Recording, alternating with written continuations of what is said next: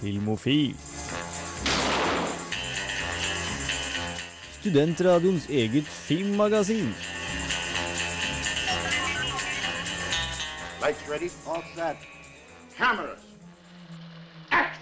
Ja, hallo, hallo, hallo, og velkommen til Filmofil på Radio Revolt. Vi har en nydelig sending til dag, for den skal handle om sex! Eh, se- sex! Eh, ikke for å være clickbait eller noe sånt, men det skal bli litt sex i denne sendingen. Eh, med meg, som alltid i studio, har jeg Henrik. og, Frida? og, Ja, Markus. og på besøk Jens Erik Våler. Jeg heter Hans Ysternes og har fått den ære av å programlede denne sendingen. Uh, vi har et par filmanmeldelser òg, som alltid. Uh, jeg har vært og sett It Follows, og Jan Markus har vært og sett uh, Citizen 4. Han ble litt overrasket når han fant ut hva han handlet om, men det skal vi komme tilbake til seinere. Først skal vi snakke litt om hva vi har sett siden sist, men før det skal vi høre et nydelig band som heter Blomst, med sangen 'Men kjære deg, du brenner jo!'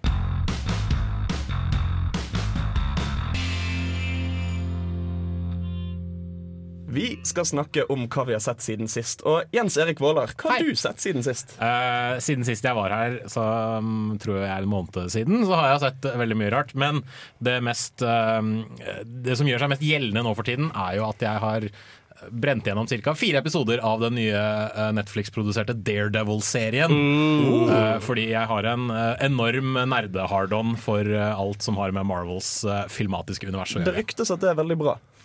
Um, folk på internett ser ut til å behandle dette her som om det er uh, Kristus' eh, återkomst. uh, jeg er ikke like enig, men jeg liker det jeg ser. Ja, for det, er- det er ikke for verst. Det er det ikke. Og så er Nei, det det er ikke, ikke- det er ikke dårlig. Det, Det det er bare starter an- sterkere enn The Agents of Shield.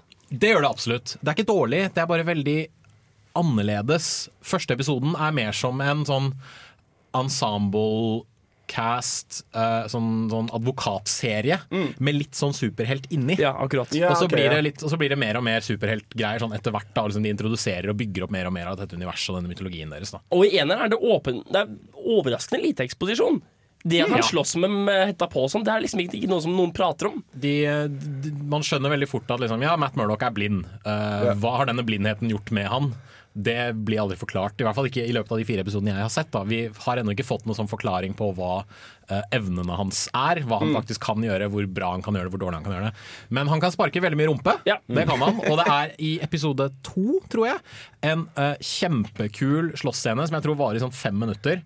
Som er tatt i én tagning Åh, gjennom en sånn korridor. Da. Det minner veldig om Hvis du ser for deg uh, den slåssescenen i Oldboy, Ja, eh, som går fra venstre til høyre. Denne går fra liksom innover i korridoren, og så kaster han folk sånn inn og ut av eh, rom. Han blir selv kastet inn og ut av rom, og han, du ser han blir mer og mer sliten. Og det er en kjempekul scene. Det linker faktisk veldig kult opp til min siden sist. Jeg har sett en del Jackie Chan. Eh, Jeg så den der Every Frame a Painting-episoden om hvorfor Jackie Chan er bedre eh, på kinesisk enn på amerikansk. Eh, Hvor de på en måte, Hvordan de klipper det, og hvordan de bruker det. Og I Amerika så slår de folk ved å klippe rundt slaget, mens Jackie Chan kan faktisk slåss. Og han med sitt stuntteam, der trengte de ikke gjøre morsomme klippinger eller noe. Der ser du faktisk folk få bank i lange, uklippede greier. Og det er litt det samme som med Daredevil og også John Wick, hvor det var stuntteam som hadde laget filmer, hvor du ser de folka kanskje også, og du trenger ikke å klippe. Det, det jeg husker fra den videoen, er jo at han trekker fram at Jackie Chan, når han klipper, så tar han ikke og klipper vekk slaget. Han tar derimot og klipper inn mer av slaget. Ja, ja. Så på en måte han treffer han, og så klipper de, og så treffer han han en gang til. Ja, altså De zoomer mye lenger inn, og da får du se et halvsekund til av slaget. Ikke sant? Og det er også, nei, altså, nei, så Jeg har sett eh, en del Jackie Chan-filmer, Supercop 1 til og med 3.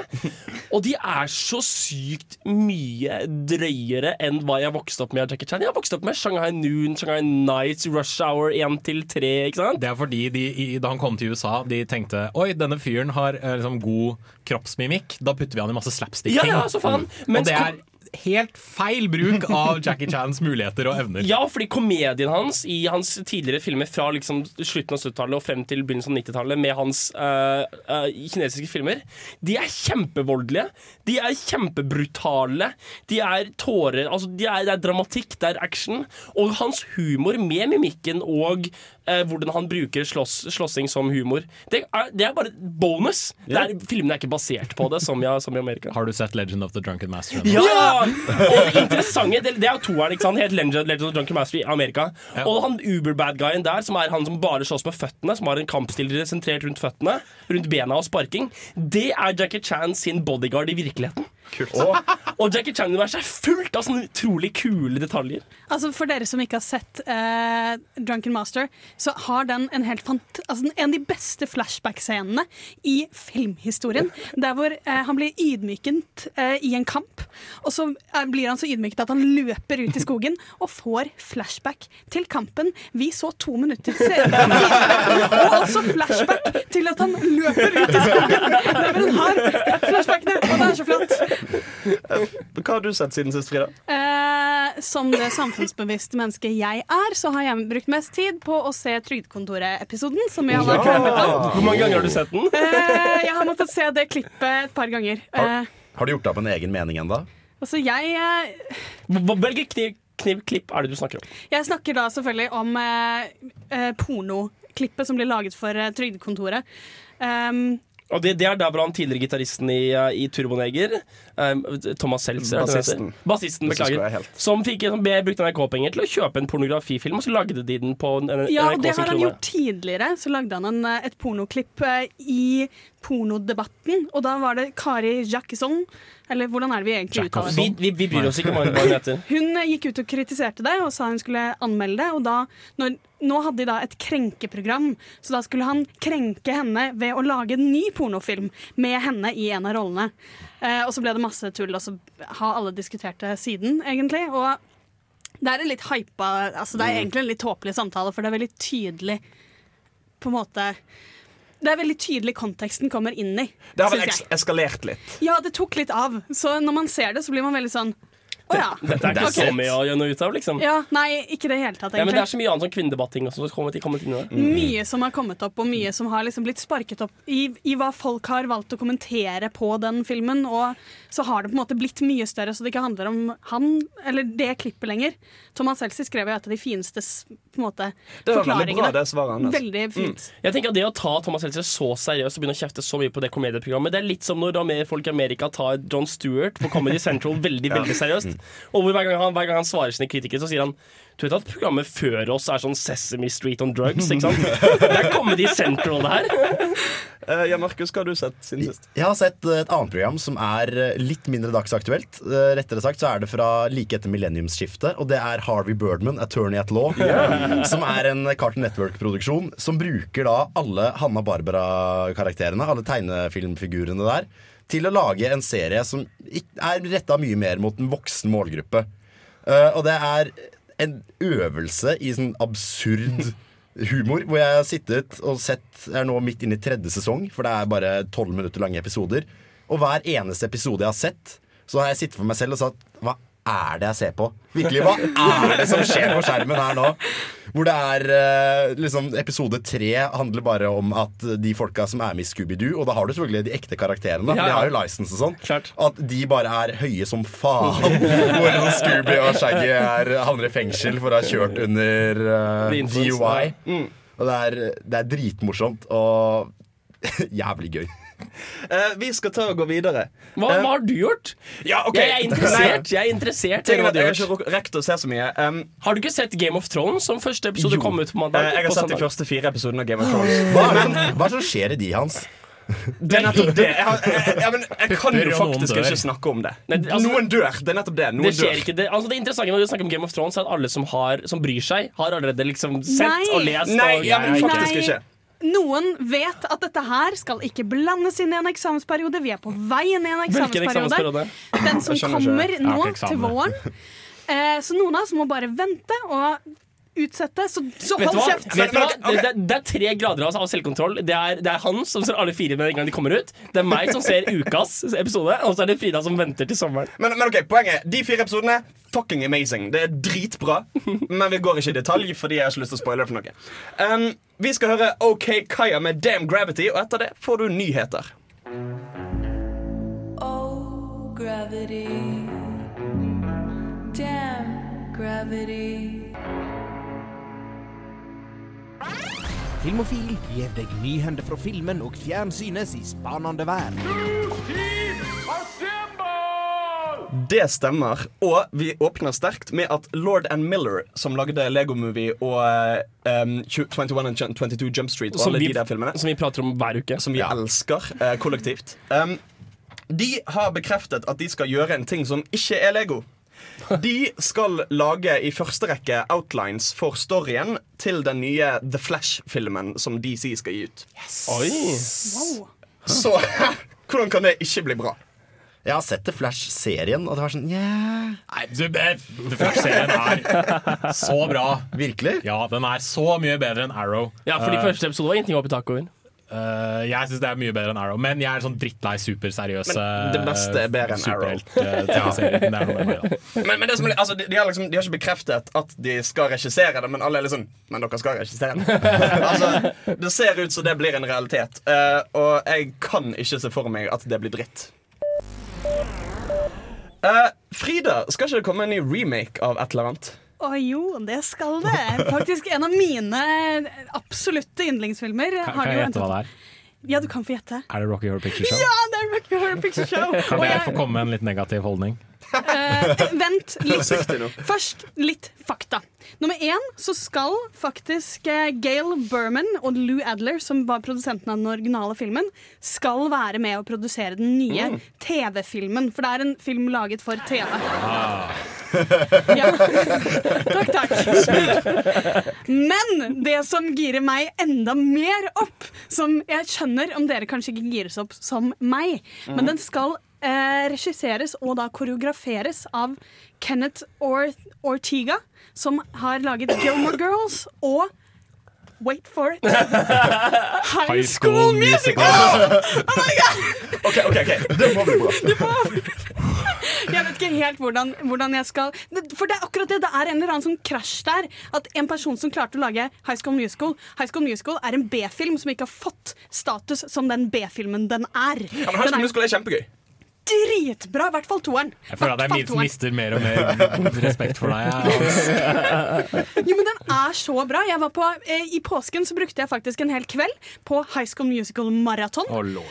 Eh, og jeg har aldri altså det, det, var, det var litt faktisk eh, på høyde med hvordan det er å se på Rocky Horror Picture Show. Altså, for det, det har den derre litt sånn halvkleine greia som Rocky Horror klarer å spille på. Det at du blir litt sånn eh, Men det er gøy, da, dere. Ja, ja. Og det har High School Musical også, bare at vi klarer ikke helt å se det fordi det er så veldig for tenåringer. Men hvis man går inn med den Dette er en B-film som bare har fått drithøyt eh, eh, budsjett. Så har den veldig samme, de samme elementene, altså.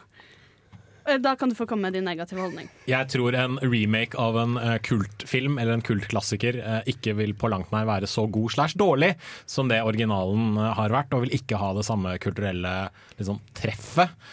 De prøvde allerede i Glee å gjøre en Rocky Horror Picture Show-episode. Det var dritt, Ja. Så jeg tror dette her kommer til å bli Og det er, samme, det er jo Fox som, som lagde Glee, som også skal lage Rocky Horror. Så selvfølgelig, du har rett. Og, hvordan, og det vi egentlig lurer på, er jo hvem skal de bruke i stedet for Tim Curry? Jeg syns Tim Curry bare kan komme tilbake, nå som han er sånn 60 år og veldig feit. Oh, ja. Hva, hva med Jim Carrey? For, for navnet og litt samme mikken. Han er da 60 år og ikke feit? Han er bare Ja. og 50, tror jeg. Nei. nei, nei J- jeg, Siden jeg ble kjent med Jim Carrey han, da var han, han, var, han var da 30 og jeg var 14. Jeg har nå blitt 25, og han er 80. Jeg tuller ikke. Vi får se hva de finner på. Eh, Netflix har bestilt en ny sesong av Orange is the New Black. Mm, og fortsetter Yay. da en tradisjon hvor de bestiller nye sesonger før um, den neste, kommende sesongen er sluppet. Dette har de òg gjort med House of Cards, som, hvor de bestilte sesong fire før sesong tre var sluppet. Det er fordi de har tilgang på sesong 3, kan se hvor bra den er. Og Ja, men- de, de, de sitter ikke og venter på lanseringsdato. Nei, men de sånn- sånn sitter jo med de to seriene de har som tjener penger. Bare sånn, vi, vi kjører på dette. Ja, men Daredevil eh, det er bare, det er bare få øyeblikk før de eh, bestiller sesong 2 Ja, du skal også. ikke se vekk ifra at det blir en greie. Nå sier man at House of Cards kommer til å gi seg etter fire sesonger. Ja, Fordi. Det er 13 episoder i hver sesong, og det er fire sesonger. Og da blir det 52 episoder til sammen. Hvor mange kort er det i en fy. kortstokk? Du hørte det først på Filmofil. Half-Life 3, altså. Og jeg leste det først på Reddit. Å ja, ok, Så det var ikke din idé? Nei. Jeg vil også ha nevnt at den d- d- spøken om at Jim Carrey har blitt 80, den, den s- spøken jeg fra Louis C.K. Han er bare 53. Så dere bare stjeler vitser og innsikt? Til jeg ble sånn 15, så var alle vitsene mine pondusvitser. Det har kommet en teaser-trailer for Quentin Tarantino sin nye film The Hateful Eight. Den forteller ingenting. Det er, basic, det er basically som en credit sequence. Uh, men litt kul grafikk og litt sånn Altså det er på en måte Han slipper litt vibber. Altså, Jeg er stor fan av en, av en trailer som ikke sier noe, som bare gir deg vibra vibrasjoner og inntrykk av følelser. Sånn som Expendables-traileren som bare flasha masse navn i fjeset ditt. ja, I sånn ti- da i sånn så ti sekunder, og så bare psh, Da mic drop. jeg, We're out. jeg vil ha en trailer som forteller meg hvorfor jeg skal se den, ikke hva jeg kommer til å se. Jeg er sikker på Henrik, at din idealtrailer Det er sånn en hvit bakgrunn, og så står tittelen på filmen i Comic Sans i svart I sans. i fem sekunder, og så er traileren Nei, ferdig. nei, jeg vil ha Den ideelle traileren er en to minutter langt klipp hvor eh, regissøren forteller meg hvorfor jeg skal se den. Å, sånn, som, Mm. sånn som de faktisk gjør i Citizen Kane. Ja. Så det, OK. Ja. Vi skal høre hva Jan Markus syns om filmen Citizen 4. Eh, før det skal du få høre en låt. Du skal få høre Bokassa med No Control. Vi er Filmofil. Jeg håper du koser deg.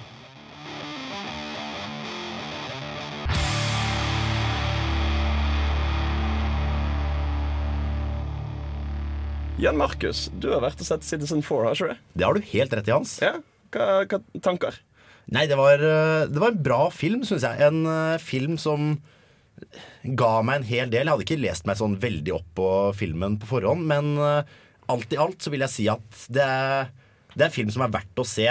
Kult. Skal vi høre hva du hadde å si om den? Ja, gjør det. Herregud, så smooth det er. Er du, er du er, du sikker på at det er Hør, hør på anmeldelsen min. Ok, Citizen 4 får du se en dystopisk fremtid der en liten gruppe journalister blir kontaktet av en mystisk person gjennom krypterte meldinger. Dette er en verden der USAs overvåkningssystem har gått fullstendig av skaftet, og aktivt overvåker ikke bare sin egen sivilbefolkning, men også befolkningen og statsledere i andre land. Ingen steder er trygge, og ingen mennesker er uskyldige før det motsatte er bevist. Det er opp til de tre journalistene og den mystiske hackeren å fortelle verden om det mørke spindelvevet av avlytting og overvåking som har lagt seg over hele kloden. Know that every border you cross, every purchase you make, every call you dial, every cell phone tower you pass, friend you keep, site you visit, and subject line you type is in the hands of a system whose reach is unlimited, but whose safeguards are not. De tre journalistene drar til Hongkong for å møte den anonyme kilden som kaller seg selv Citizen 4. De avtales og møtes på et hotellrom der Eh, Jan, Jan Markus. Hans, ser ikke du at jeg er litt grann opptatt nå med å anmelde den nye sci-fi-thrilleren Citizen 4? Ja, det, det er nettopp det. Eh, jeg tenkte bare skulle fortelle deg at det ikke er en sci-fi-film. Det er en dokumentar. Hæ? Ja, En dokumentar om når eh, Edward Snowden i 2013 lekket ut innsideinformasjon som fortalte at den amerikanske regjeringen bevisst hadde holdt hemmelig masseovervåkning på enorm skala. Han vant til og med Oscar for beste dokumentar. Så du sier at det som skjer i filmen ikke bare er sant, men allerede har skjedd? Japp. Å, fy faen. Citizen 4 er en dokumentar. En dokumentar hvor vi ser i samtid de historiske lekkasjene som dominerte nyhetsbildet i juni 2013, blir overlevert fra informanten Edward Snowden til noen nøye utvalgte journalister. Stort sett er filmen i intervjuformat, der journalistene hører, noterer og deretter publiserer lekkasjene til verdensomspennende aviser. Lekkasjer som avslører at National Security Agency, USAs overvåkningsorgan, med viten og vilje ikke bare har dekket over enorme inngrep i den amerikanske sivilbefolkningens privatliv, men også holdt skjult avlytting av europeiske statsledere, industrispionasje og droneangrep. Sorry, I don't know your name. Oh, sorry. I uh, my name is Edward Snowden. Uh, I go by Ed. Um, Edward Joseph Snowden's the full name. Dette er en historie som kunne blitt en spillefilm, men i stedet får vi noe enda bedre. Film og dokumentasjon av de faktiske historiske hendelsene slik de skjedde. Det er ingen store filmatiske grep å skryte av i filmen, men det trenger den heller ikke. Dette er en historie som må fortelles, fremfor at det er ment som underholdning. Allikevel får vi samtidig følge reisen til den unge og velreflekterte Snowden, som selv etter nøye vurderte valg må tåle konsekvenser som kommer til å forandre livet hans for alltid. Uh, and if nobody else is going to do it. And hopefully, when I'm gone, whatever you do to me, there will be somebody else who will do the same thing. Citizen 4 er en viktig film som får deg til å føle deg litt mer paranoid i kinosetet, og med god grunn. Til tross for at den er fortalt helt og holdent fra Edward Snowdens side, er dette en film som gir innblikk i et stort og skummelt apparat som prøver å få hele verden i sin hule hånd. Og én ting er sikkert. Om ikke det skjer noe dramatisk i amerikansk politikk, kommer dette bare til å gå én vei. Om du skal se bare én dokumentar i år, se Citizen 4. For den er aktuell nå, og den kommer til å være det i mange år fremover. Ja, bra film. Ja, absolutt. Jeg, jeg gikk faktisk inn i kinosalen og visste ingenting om den. Og for, trodde jeg så på en oh, ja, sci-fi-film. Jeg, tro, jeg satt i liksom kinosalen og trodde faktisk at jeg så en sci-fi-film. Og så var det sånn, ok, de må hacke systemet, og så blir det sikkert noe skyting eller noe. Vent nå litt. Det der er Edward, ha, der har jeg sett ja, det der er Edward Snowden. Å ja! Det her er en dokumentar. Hvorfor sto det ikke noe sånn der anno 2094? Ja, det skulle vært noe sånt noe. Based on a true story.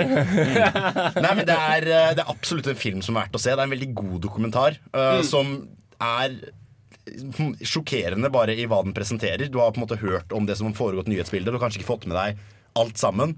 Men her presenteres det på en veldig ryddig måte akkurat nøyaktig hva avsløringene innebærer. Og grunnen til at det ble så stor ståhei rundt det i mediebildet. Kult. Ble det så stor ståhei rundt det i forhold til hvor utrolig Nei. drøyt? Nei. Og det er, også derfor, det er også derfor jeg tenker at det er litt fett at det kommer en ordentlig kino, kinofilm ut om det. Mm. Fordi jeg er helt enig at det ble litt sånn Nå er vi for så vidt i Norge, da. Norge bryr seg jo stort sett ikke om hva som skjer i verden rundt oss. Så det er jo kanskje ikke så rart at vi ikke ser så stor ståhei. Men jeg tror det var litt større ståhei i Amerika rundt det. ikke? Men vi har jo selv eh, drevet og knota med dette datalagringsdirektivet, Mm. som mest sannsynlig kan brukes til eh, lignende ting som eh, Ja, eller brukes allerede. Og PST er jo mye verre enn NSA med tanke på hvor velgjennomførte de er. De har jo nullkontroll. Jeg Jeg, jeg, bare tuller. Jeg mener PST er kjempeflinke og koselige, og jeg liker dem Vi kjempegodt. støtter regjeringen i alt de gjør. Men så er Tjohei. vi- Lenge leve Bondevik! Nei, jeg, var, hva? Så jeg vil påstå at den, har en, eh, den kan ha en gjennomslagskraft litt sånn uansett hvilket land du er fra, så lenge det er et Mm. land du, der disse tingene kan skje. Mm. For de, de var jo så jævla svære, de greiene. Altså, det var jo ikke bare sine egne. de- Altså, de, vi har jo også blitt overvåket av NSA gjennom Ja. de tingene som ble avslørt. Så på måte Ja, men vi er noen sosialistsvin. Ja. Så, Ja, ja. Målet deres er jo basically å vite alt om alle alltid. Og det er ganske sjukt at de er på vei mot å nå det punktet. Og det var for to år siden. Ja, altså hvis vi, ser bort fra, hvis vi ser bort fra muligheten for å få seg selv aliaser og gjemme seg litt gjennom diverse sånn proxy-nettverk på nett, så har jo NSA i veldig stor grad oversikt over alle hele tiden fra før av. Så det er jo, de har vel egentlig Det punktet hvor de hadde mest oversikt mulig, var jo egentlig, passerte jo egentlig for ti år siden. Ja. Og så er det liksom, de prøver, de prøver liksom å holde, holde det oppe nå, har jeg inntrykk av.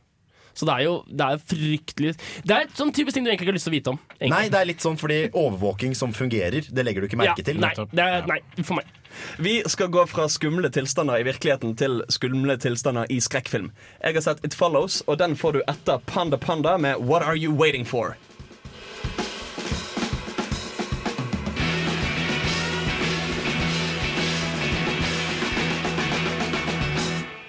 I likhet med Jan Markus har jeg òg vært på kino Nei. i det siste. Det stemmer. Hva har du sett, da? Jeg har sett It Follows! En film Wow. jeg tror du så bare for å hevne deg på at jeg forrige uke tok eksmaken av. Ingen kommentar. uh, den var kjempegøy. Uh, det, var, det var dødsgøy. Uh, bra skrekkfilm, bra skrekkfilm, bra skrekkfilm. Eh, vi bare går rett på en anmeldelse hvor jeg sier 'bra skrekkfilm' i fire minutter.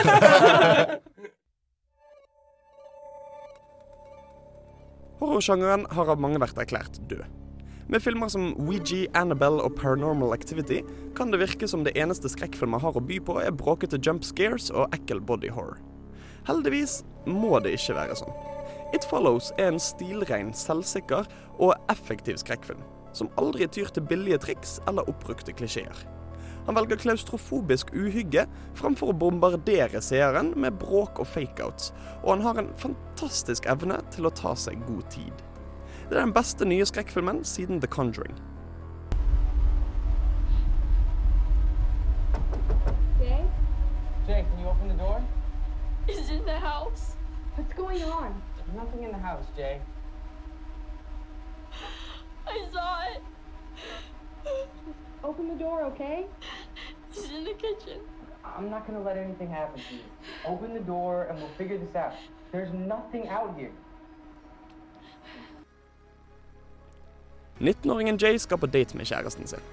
Han har oppført seg merkelig i det siste, og etter de har ligget sammen i baksetet på en bil, forteller han om hvorfor. Han blir jaget av en demon som sakte, men sikkert kommer til å gå mot han uansett hva han gjør. Den kan se ut som hvem som helst, og han kommer aldri til å stoppe. Den eneste måten å unngå han på, er å ligge med noen, og derfor kommer han nå til å følge etter Jay inntil hun ligger med noen. Dette kan høres noe tøysete ut, men det kommer ikke du til å tenke under filmen. Annet fordi filmen sjøl tar konseptet såpass alvorlig. Det virker som de faktisk har tenkt hvis dette var tilfellet, hvordan ville det ha gått for seg? Hvordan ville folk ha reagert?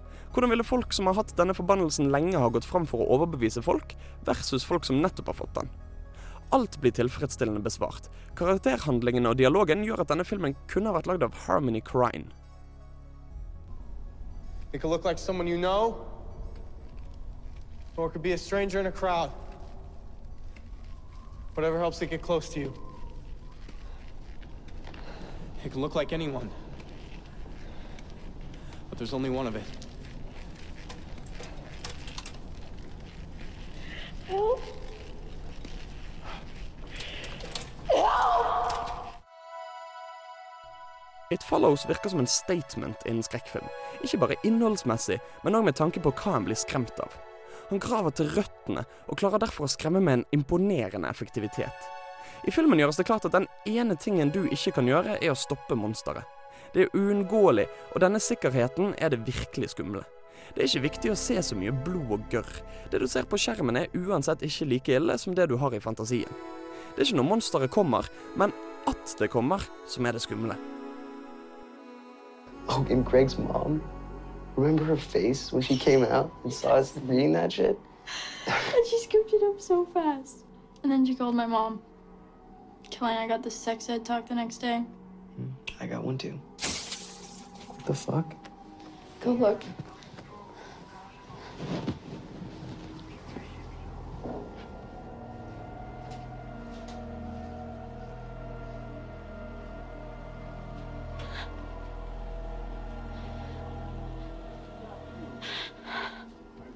There's a broken window in the kitchen, but there's no one there. Dette gjør at filmen klarer å ta seg fantastisk god tid innimellom, og velger å fokusere på små detaljer, som, som små maur som flyter i badebassenget, eller et par klipp hvor Jay leker med noe gress uten at dette ødelegger flyten i filmen. Du har ikke glemt at monsteret er på vei, selv om det ser ut som Jay for øyeblikket har det. I used to daydream about being old enough to go on dates. I had this image of myself holding hands with a really cute guy. Just having some sort of freedom, I guess. Jay, I'm sorry. Help. It Follows er en film jeg vil anbefale på det sterkeste. Han klarer å bli skikkelig guffen og ekkel uten å ta minste motstands vei, og han tar både seg sjøl og ungdom på alvor. Det er en film som tydelig vil noe, og han vet nøyaktig hvordan han skal oppnå det. Han klarer å unngå bruksfilmfølelsen en får av mye skrekkfilm, hvor han er skummel der og da, for så å bli glemt. Horrorsjangeren er død. Lenge leve horrorsjangeren. Altså jeg tenker jo at Mye som eh, horrorfilmene du anmelder i Filmofil, så blir dine anmeldelser av horrorfilmer mer modne. Fordi her tar du deg utrolig god tid med lange, lange klipp, og du får virkelig en følelse av hva filmen er. Og jeg liker ikke skrekkfilmer, men jeg fikk lyst til å se denne. Altså. dette, jeg, jeg tror dette er en type skrekkfilm som passer for folk som ikke liker skrekkfilmer. For det er så godt som ingen jump scares. Ja, for det, det var det jeg skulle spørre om. For jeg, jeg har ikke noe imot å være redd Mm. av å se en film. Jeg har ikke noe imot det å være nervøs av å se en film. Men jeg hater skrekkfilmer rett og slett fordi det er så veldig mange av dem som bare roper Ja. Ja, fordi klisjeene tar deg ut av det. Nettopp. Ja, for på en måte, jeg vil nesten si at denne filmen har Altså Det er nesten som det motsatte av jump scares. Eh, hvor på en måte Den har nothing happening scares. ja, men, ja, men det er noen scener hvor de bare typ Altså For eksempel en hvor de er på, de er på en high school. Og så er det Du ser jo et vindu, og, det, og, og de gjør et eller annet. Og så er det en person som kommer mot kamera. Og det blir liksom aldri kommentert. Han begynner langt vekke og bare kommer og kommer. og kommer, og kommer Men, men, men, men det er helt sånn understated. Det er bare, sånn, det bare er der. Og, og det, er så, det blir så klaustrofobisk og så ufattelig mye mer effektivt. Jeg kjenner jeg får frysninger. Må du Eh, ja, ja, ja. Bare den tanken. det er på en måte sånne ting de gjør. Skal resten av sendinga være være du som får gjenfortelle filmen etter hukommelsen? Men uh, jeg har et spørsmål, Hans. Mm. Uh, det virker som dette her er en veldig god teknisk gjennomført film, og det virker Ja. som det er en film som forhåpentligvis veldig mange kommer til å se. Hvor stor sjanse tror du det er for at vi da får en It Follows 2? Eller- som da, eller They- They og så, Follow. Og så tre, og så fire, og så fem, og så bare kommer hele dritten til å bli kjørt ned. i Eller- bakken. Jeg ser veldig hva du um, It followed. It follows faster. They follow, it, it follows too harder. they follow too Electro Boogaloo. Ok, ok, jeg ser, ser veldig godt hva du mener, og det kunne ikke blitt bra. Det hadde ikke selv de fått til. Men det jeg, altså det jeg får inntrykk av, han er veldig hva skal jeg si, i hermetegn kunstnerisk laget. Altså Det virker som det er en visjon bak der. Noen som faktisk vil ting på alle plan. Altså Cinematografien er kjempefin. Uh, manuset er kjempebra skrevet. Det virker som her, dette faktisk er et verk som har inspirasjon bak seg. Og, og da på en måte tenker jeg at det er ikke sikkert de ville solgt ut på samme måte. Ja. Ja, for dette er ikke en sånn uh, lavbudsjett-horror som bare casher inn sånn 16 millioner fordi folk får panikk i kinosalen. Nei, Nei al- det er ingen sånn Men det er mer sånn du går bare sånn "Faen, Jeg syns ikke det var så skummelt. Å gud, kommer han der mot oss? Kommer han der mot oss Ja, nettopp. akkurat nå? Ja, nettopp. Så det, det er på en måte ja, men, ja, men det kommer sigende, Fordi jeg kjente ikke på han som sånn skikkelig skummel før jeg skulle hjem eh, herfra fra Lukasbygget hvor vi sender klokken to om natten Går, dagen etterpå. går han der fortsatt bak meg? Jeg tror han der fortsatt går bak Ja, meg. sant. Det der var han med pinsekatt, var det ikke det? Jeg går litt fortere. Går han litt, går han litt fortere nå? Jo, men, jo, men det var sånn altså, altså, jeg gikk nedover veien, og så kom det en gående mot meg på fortauet. Så jeg, jeg switchet til andre siden av veien. Eh, og hvis han hadde snudd over gaten òg, Da hadde du løpt. jeg hadde løpt. Det er på en måte ingen tvil. Eh, vi skal gå inn på temaet for denne sendingen, som er sex i film. Um, før det skal vi få høre en sang. Vi skal høre Broen med 14. Den er fin. Vi er Filmofil. Jeg håper du koser deg.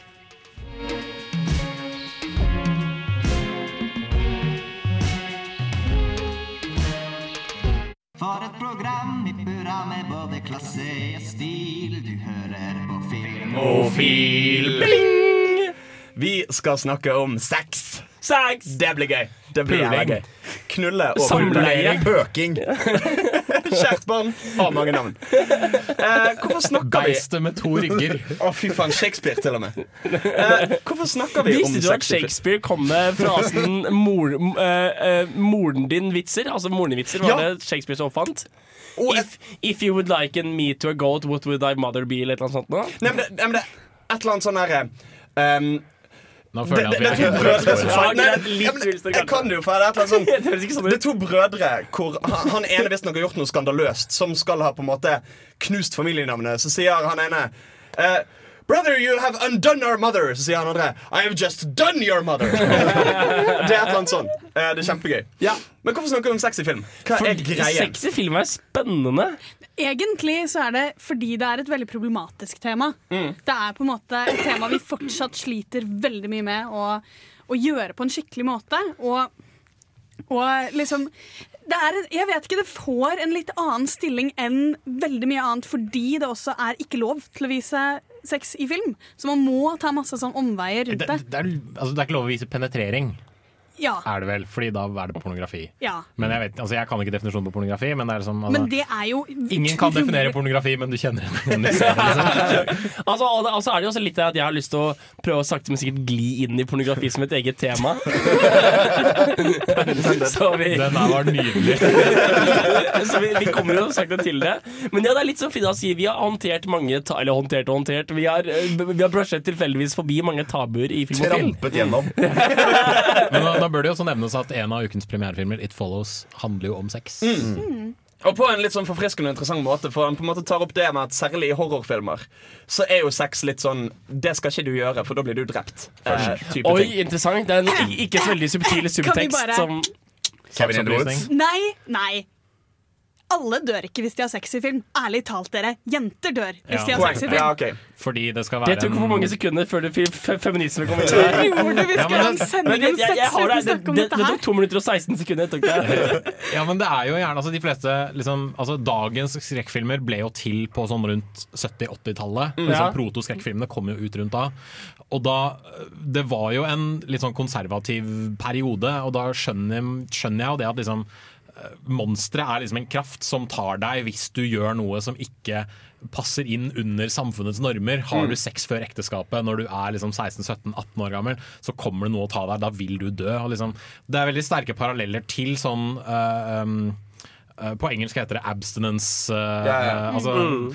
Holdninger om at man skal avstå fra sex før Mm. ekteskapet. Det er liksom, man kan trekke en veldig stor parallell mellom det da, i skrekkfilmer. Absolutt. Men det, det, som jeg, det som jeg synes var gøy med It Follows, i forhold til det, er jo at den er jo på veldig mange måter et litt sånn moderne versjon av 70-80-talls uh, skrekkfilmen. uh, og måten sex blir behandlet der, er jo litt mer sånn Altså ikke det at du fordømmes med å pule, men litt mer sånn seksuelt ansvar-type greie. Altså på en måte eh, Ikke nødvendigvis uproblematisk, men oppdatert for måten vi i dag ser på sex på. Og så, tenker jeg sånn at altså, Sex er den ene, vinklinga til det, men en, en annen måte å komme til det på er jo det at sex er fordi altså, som du sier da, eh, Skrekkfilm er noe som oppsto på 70-80-tallet. Liksom. Gore er en annen sjanger hvor det er mye hud og mye seksualitet og mye sånn der behandling av den type ting. Men sex har vært en drivkraft for film lenge, lenge, lenge. lenge, lenge. Vi pratet om musikaler som kom på 20- og 30-tallet. Med en gang musikk, kom i, musikk og uh, lyd kom i film, så var musikaler på han. Men sex begynte jo lenge før det. Sex var en av grunnpilarene i både komedien og dramat dramatikken i, i, i Hellas før fem, 15 000 år før Kristus. Nå vet jeg ikke lenger hva jeg snakker om. Men, jeg mener det, er, det er mye eldre greier. Men altså, En av de første filmene som ble laget, var vel et par eh, pupper som eh, fløt rundt. Det hadde ikke overrasket meg. Det hadde ikke overrasket meg et Nei, øyeblikk. det var et tidlig eksempel. Nå føler jeg at han som har en mastergrad i filmvitenskap, gjerne kan få lov til å ta mikrofonen eh, Ok, litt. Hvem har sluppet inn en fyr med kompetanse? Hvor lang tid tok det før jeg droppa Det var 47 minutter og 53 sekunder. Um, men altså, noen av, det var en, eh, en veldig veldig tidlig tidlig, tidlig stumfilm, eller film, uh, handlet om, altså het 'Anatomy of a Kiss'. Som rett og slett var et par som uh, de forsøker å kysse, og så dri- dytter liksom dam, altså, dama dytter han vekk. da Så tar han og uh, fukter fingrene sine, retter litt på barten sin. Og da liksom nikker hun seg. Ok, da, da er det liksom, Hvis han har frisert barten og liksom gjort litt med skjegget, så er det liksom ikke så hårete og jævlig, og da, da kan de kysse hverandre. Stå på krava. uh, om det var så mye pupper i tidlige stumfilmer, det, det tror jeg ikke. Men det var en del sånn uh, Det var en del sånn dans og bevegelser og liksom eh, kropper i utfoldelse. Det var det. Og det kan jo være en viss form for seksualitet ved det, ved at de gjerne ofte ikke hadde på seg så veldig mye klær. Jo, for, for det jeg mener å ha sett i en eller annen artikkel, var jo en type sånn eh, Du vet sånne gamle ting hvor du hadde på en måte sånne ting du satte øynene dine En på? sveiv, ja. ja. Ja. Og, og som var en pornoting. Eller t- De har jo en veldig veldig kjent eh, Kanskje den eneste kjente ko- Kinetoskop. Kinetoskop var eh, dans, De syv slørs dans, Ja. som var en dame som tok av sakte, men sikkert da syv slør, og dermed ble mer og mer naken. Om det var Det var jo pornografisk, i hvert fall etter den tiden. Jeg har også en fun fact om stumfilm. At Den tidlige stumfilmen tok jo livet av den tidlige vibratoren. Hvis de, de som har sett, de som har sett uh, Hysteria, er det det den heter? Det er den Det er den. Ja, uh, Hvor eh, de da finner opp denne gamle vibratoren. Og det ble jo solgt som en sånn massasjeapparat. Nå, Men alle visste jo hva den egentlig ble brukt til. Og så lagde de, eh, jeg tror det var i i det der Greifswald-området i Tyskland, hvor det var veldig seksuelt frigjort, så lagde de en video hvor de faktisk viste hva den massasjeapparatet ble brukt til. Og folk er sånn Ja, OK, troll er teisken. Nå må vi bare forby alt igjen. Vi skal snakke videre om dette. Vi skal snakke om sensur i film. Før vi kommer så langt, eh, skal vi høre Top 10 Vi skal høre Logic med Top Ten Feet Big KRIT.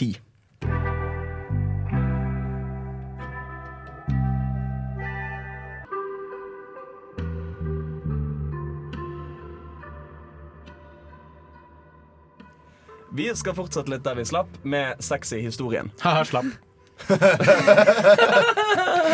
Da må du forklare. Du slapp. Som i flaccid. Som i penis. Åh. Da er vi oppe i to pønns. Ja, det, er- det er flere der som du ikke fikk- med deg. Det var dette jeg var redd Og for da vi gøy. avtalte å ha denne Ja, men du, sendingen. det må, Ah, det må Jeg må si at det er veldig gøy å kunne fortsette den gamle tradisjonen av å alltid liksom lure inn penis Ja, i Filmofil. Altså, absolutt. Ja, men jeg er generelt stor. Nei, det gjør jeg ikke. Jeg, jeg lurer inn penis så ofte jeg kan. jeg. Eh, eh, Frida, sex opp igjennom med historien. Ja, OK. Det var, ja. Og, men altså, vi har jo da også en, en, en spesialist som, som, som skal få lov til å være med på andre delen av sendingen. her Vi kaster, vi kaster selvfølgelig ikke ut Jens Erik Våler, men han flytter seg til annen mikrofon, og så kommer Andreas Hei! Han Bernt Dørum. Fuck yeah. Jeg skal ikke gå, da. Nei, nei, men tag-team fortsatt. Free sex opp gjennom historien. eh, Vi, vi, vi prater om sex, uh, Andreas, oh, ja. For en gangs skyld på lufta. Eh, Frida, sex begynte med at Adam uh, entret Eva. uh, og siden da så har det egentlig stort sett gått nedover. Det var aldri en så god orga orgasme som i hagen.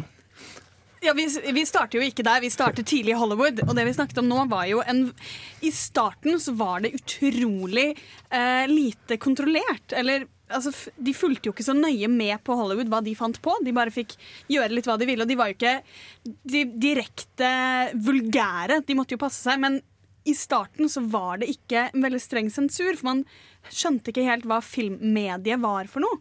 Men så tidlig, som vi faktisk tidligere har nevnt for den observante lytter, så ble dette nevnt i vår sending om skeiv film, eh, at eh, tidlig 30-tallet Ja, tidlig 30-tallet. Så var det noen som eh, så på film og så hm, disse her får jo egentlig gjøre hva de vil. Det syns vi ikke er greit. Vi må få inn litt moral i Amerika, og de lagde det som heter Heiskoden. Det bør jo også nevnes at dette var en periode i USA der eh, børsen hadde gått til helvete. Eh, 20-tallet var fri flyt av alkohol og sex, og nå skulle man liksom nå skulle alt strammes opp litt. Grann. Ja. Alt skulle bli bra igjen. Og det gjorde de da gjennom å sette opp en rekke temaer som man ikke fikk lov til å prate om, og en rekke temaer man skulle være litt forsiktig med. Eh, og eh, de har noen litt Du merker jo at det er en annen tid når en av punktene du ikke har lov til å vise i film, er hvitt slaveri.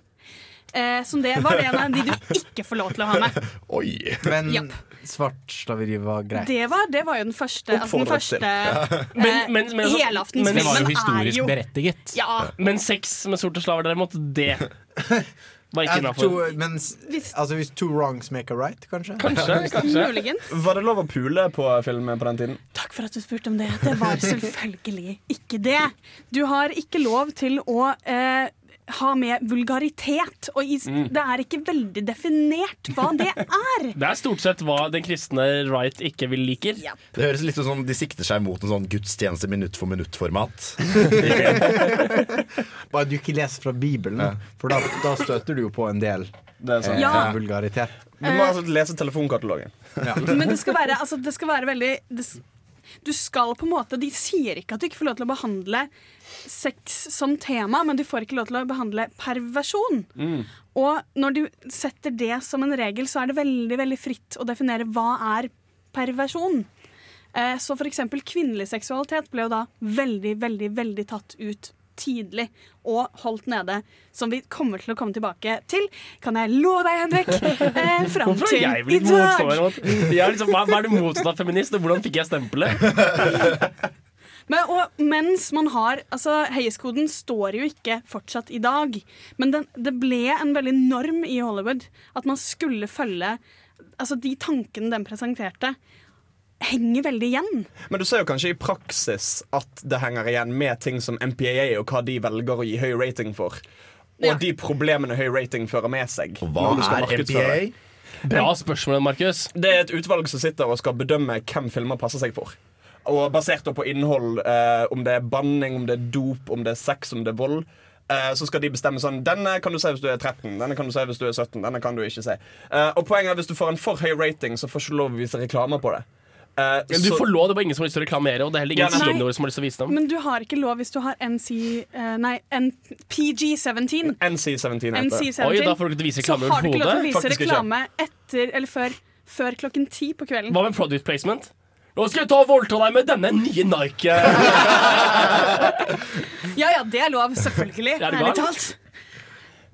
Jo, men, men, men poenget, poenget at det har, for, det har forandret seg fra at det var en klare regler og til at det blir i praksis så kan du ikke gjøre det fordi at det fører til det som fører til det, og til slutt du får ikke vist filmen for noen. Ja, du er- tjener ikke penger. er- og det er, har ført til at i hvert fall i, til og med i moderne tid så har du flere filmer som har blitt laget ganske brutale og voldelige, og sånn, som har blitt veldig bluntet, veldig tatt av kniv, Mm. hva? Jeg hadde en, kni, en knivmetafor her, klar. Sløvet ned. Sløvet ned av at jeg måtte ta ut banneordene og sexen og alt det morsomme i filmen. Da. Altså Monkey fighting snakes uh, on this uh, Monday to Friday plane. Ja, det er sånt noe. Men det passer veldig fint at vi snakker om dette. Eh, for filmer som ikke blir vist, kaller vi òg at de blir sensurert. Og det skal vi snakke om om eh, tre-fire minutter. Før vi kommer så langt, skal vi høre Good Old War med Tell Me What You Want From Me.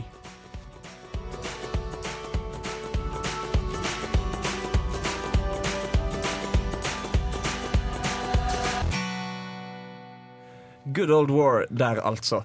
Eh, Henrik, du fant noe artig, gjorde ikke det? Jo, altså internettet er jo fullt av informasjon. Jeg fant en side som heter sexinfilms.com. Eh, og der står det om akkurat Det dette er ikke det den heter. Nei, det er ikke det den heter. Den heter noe annet. Men eh, den, eh, det, vi må dessverre sensurere, sensurere navnet. Eh, altså Etter at de, på 1934, Hays Hayes Law og, og innføring av sensur og sånne ting, så eh, i 1952, samtidig som det er en utvikling i Europa rundt liksom autørsjangrene og ekspresjonismen, hvordan, hvordan filmer er en uttrykkelse av hva regissøren tenker på, og dermed blir det mye sex. Uh, så i Amerika så var det i 1952 en, eh, en sånn Supreme Court-ting rundt en film som het Miracle. Og de kom frem til at uh, det er unconstitutional, altså det er i, i, i, i strid med. Grunnloven. Mm. Og det er free speech. Film er free speech. Det er ikke lov til å, eh, å forby en film i, visse, i no, noen stater. Eh, film er free speech, og det skal være lov til å vise hva du vil. Så egentlig, fra 50-tallet utover, så var det liksom en kamp mellom eh, sensurismen, sensuringen, sens, sensurering, Sensur. og, og, og, og, og, eh, og, og film som en kunstform. Hvor sex har en veldig viktig plass. Men det har jo likevel vært veldig mye film som har sex i seg, som har blitt ikke lov å vise veldig mange steder. Jo da. Men det er, jo, det er jo viktig, når vi nevnte MPAA, eh, som er de som driver med sensuren i dag, de gjør jo ikke det. Det er veldig viktig at de ikke skal være et Ja, ja. sensurorgan. Fordi det man gjorde etter det, er at man da setter aldersgrenser. Som da Mm. er en veiledende greie for foreldre.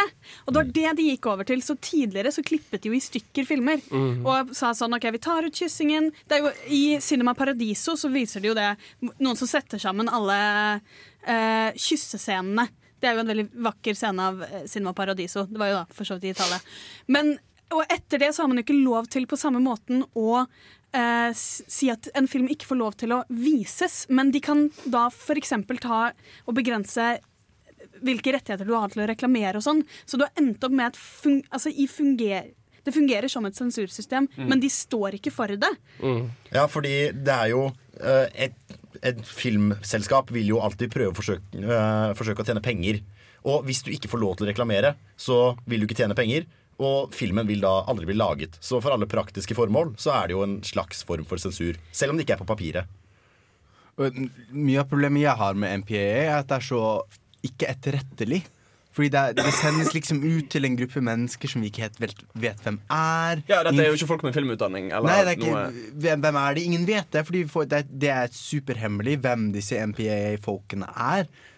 De sier vel at det er pga. at man, man skal ikke kunne påvirke dem, eller noe sånt. Men det gjør at det blir veldig vanskelig å, å få en diskusjon, da. Mm. Når de er liksom gjemt bort, disse menneskene som bestemmer hvilke Mm. filmer som får vises.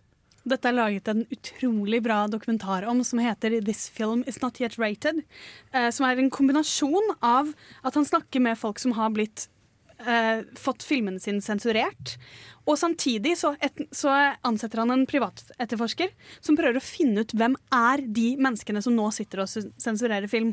Og, de, og de hadde retningslinjer etter hvordan det skulle være. Du skulle være forelder eh, for barn mellom 3 og 11 år. Du skal ikke ha tilknytning til kirken. Eh, du skal ikke sitte mer enn fem år. Eh, det man finner ut gjennom den filmen, er at alt, absolutt alt brytes hele tiden. Og de har, de har to prester som sitter der. De og det er liksom Det er helt, helt ugjennomsiktig. Og de holdes jo hemmelig fordi de ikke skal snakke med filmselskapene fordi det blir sensur. De kan ikke si 'denne scenen, denne scenen, denne scenen'. Mm. Men de sitter jo og snakker med de store produksjonsselskapene hele tiden. Mm. Det festlige med den dokumentaren er jo det at den fikk en såkalt NC-17-bedømming, som er dødsstøtet for de aller fleste filmer. De fleste filmer vil gjerne være en, en R, altså en restricted, som betyr at 16-åringer kan dra og se dem. Og Um, tolv med foreldre eller noe sånt. ja, noe sånt noe. Ja, Men hvis du tar med tolvåringen din på The Hangover, så er du en idiot. Eh, Men fordi den hadde så mye eh, Den hadde så mange klipp fra andre filmer som, var blitt, som også hadde fått NC-17-bedømmelse. Så derfor. Men det fins jo muligheter å lure dem på. Eh, Disse eh, gutta, Matt Stone og Trey Parker, gjorde det under Team America og eh, South Park-filmen, der de ga dem en sånn råklipp som var full av liksom, det jævligste de kunne komme på. Og den fikk jo selvfølgelig en sånn NC-17 med en gang. Og så ga de dem en eh, lik, en litt mildere, men likevel en jævlig utgave. Men liksom full av banneord, full av eh, referanser til skatologi og penis og alt mulig sånne ting. Dukkesex, ikke Og minst. dukkesex. Og det i forhold til den første var da mye bedre, mye bedre og fikk en lavere aldersgrense. Vi skal gå videre til ukens filmlåt. Uh, før der skal du høre en annen låt. Du skal høre The Good, The Bad and The Sugly med Hate Will Get Us Everywhere. Play it once, Sam. Det er jo alltid å ha musikk når den er påtent. Helst noe indisk eller pakistansk. Ukas filmlåt. Vi skal til ukas filmlåt. Eh, Frida, hva slags låt er det? Det er Sound of Silence. Fra? The Graduate. Og hvorfor har vi den som ukas filmlåt? Den tok jeg med, for jeg syns den er egentlig når, man, når vi skal snakke om film og filmlåt, eh, det er litt vanskelig å på en måte bare ta en sexy sang, Mm. tenkte jeg. Og litt av grunnen til at vi snakker, bestemte oss for å snakke om film, var jo det at vi skulle prøve å ta litt alt det kan være. Og alle måter man bruker sex i film som ikke bare er sånn ha-ha, de har sex. De er sexy. uh, og uh, The Graduate er jo en film om um, en ung gutt som blir forført av en eldre dame. Uh, og de starter et veldig veldig destruktivt forhold. Og derfor, Den sangen her spilles over en sekvens der hvor de, deres forhold utvikler seg. De, han går og møter henne på hotellrom, og det er, så, det er så trist, på en måte. Det at de har sex, er så veldig lite fint for dem begge. Når du sier ung gutt, hvor ung er det snakk om da? Vi snakker om en eh, som nettopp har gått ut av college, så dette her er ikke noe Det er ikke noe veldig sketchy. Han er ikke et barn. Nei, ikke Altså, det hele tatt. Dustin Hoffman ser ut som 26 og spiller 18 i den filmen, tror jeg. Eller 17. Og dette er da en venn av foreldrene. Ja, Ja, det Så er gøy. en ung Dustin Hoffman. Meget, meget ung. Altså, Da forstår jeg hun. Men altså, han, han, han ble jo født i middel 30-årene uansett, så han ser aldri veldig ung ut. Men han ser overraskende ung ut i, i, i The Graduate. Da. Men det er noe, det er noe veldig sånn Den er litt spesiell nettopp pga. hvordan den viser hvor emosjonelt ødeleggende den sexen de to har. For det er jo bare sex. De har ikke et veldig emosjonelt bra forhold. Og den sangen klarer bare å fange absolutt hele deres forhold på en helt fantastisk måte. Men føler du, altså, fordi, føler du i så fall at uten den sangen så hadde det ikke vært samme scenen? på en måte? Å ja da. Så Det er akkurat det jeg føler. Fy faen, det er audiovisuelle er medier. Hva kan vi ikke gjøre med det? Skal vi rett og slett høre låten? Det syns jeg vi skal. Dette er da Mens vi klapper oss selv på ryggen. ja. Dette er da Simon and Garfunkel med The Sound of Silence.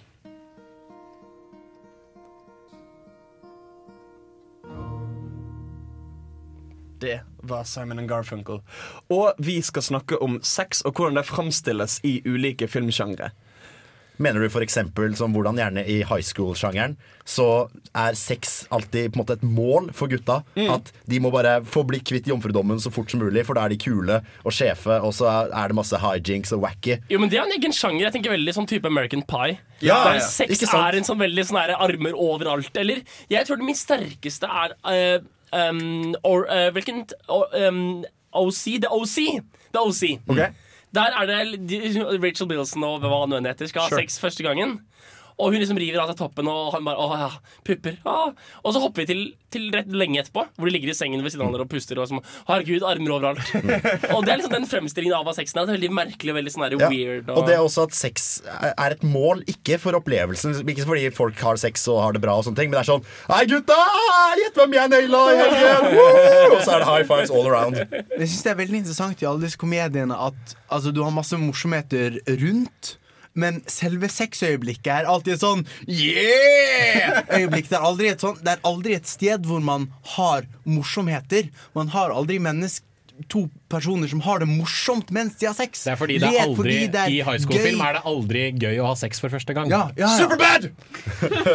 Har de bra førstegangssex i Min Superbad? favorittfilm noensinne. Um, det gjør jo ikke- det. jeg har ikke Da, har du for eksempel sexscenen uh, med han uh, Evans.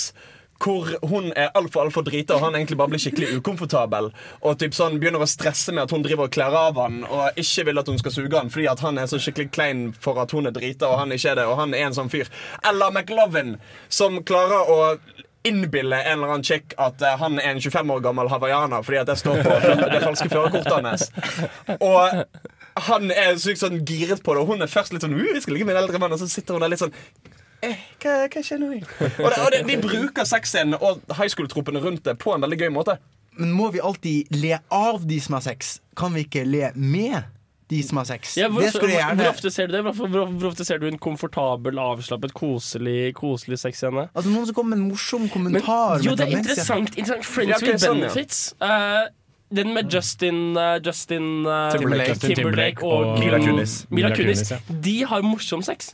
Det er egentlig det første beste Men de har morsom, uforpliktende sex. Og det er en sånn Mm. greie helt fram til det viser seg at oi, kanskje det er noe mer Og her. da blir det weird. Da blir det kleint.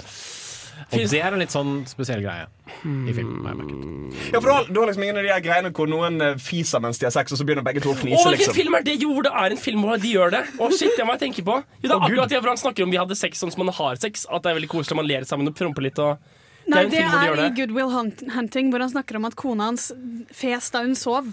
Nei, det, det, jeg- det var ikke det jeg tenkte okay. på, men det er en morsom greie der også. Hvor, hvor, hvor, hvor eh, det er en vits hvor to gamle menn Nei, ikke to gamle OK, never mind.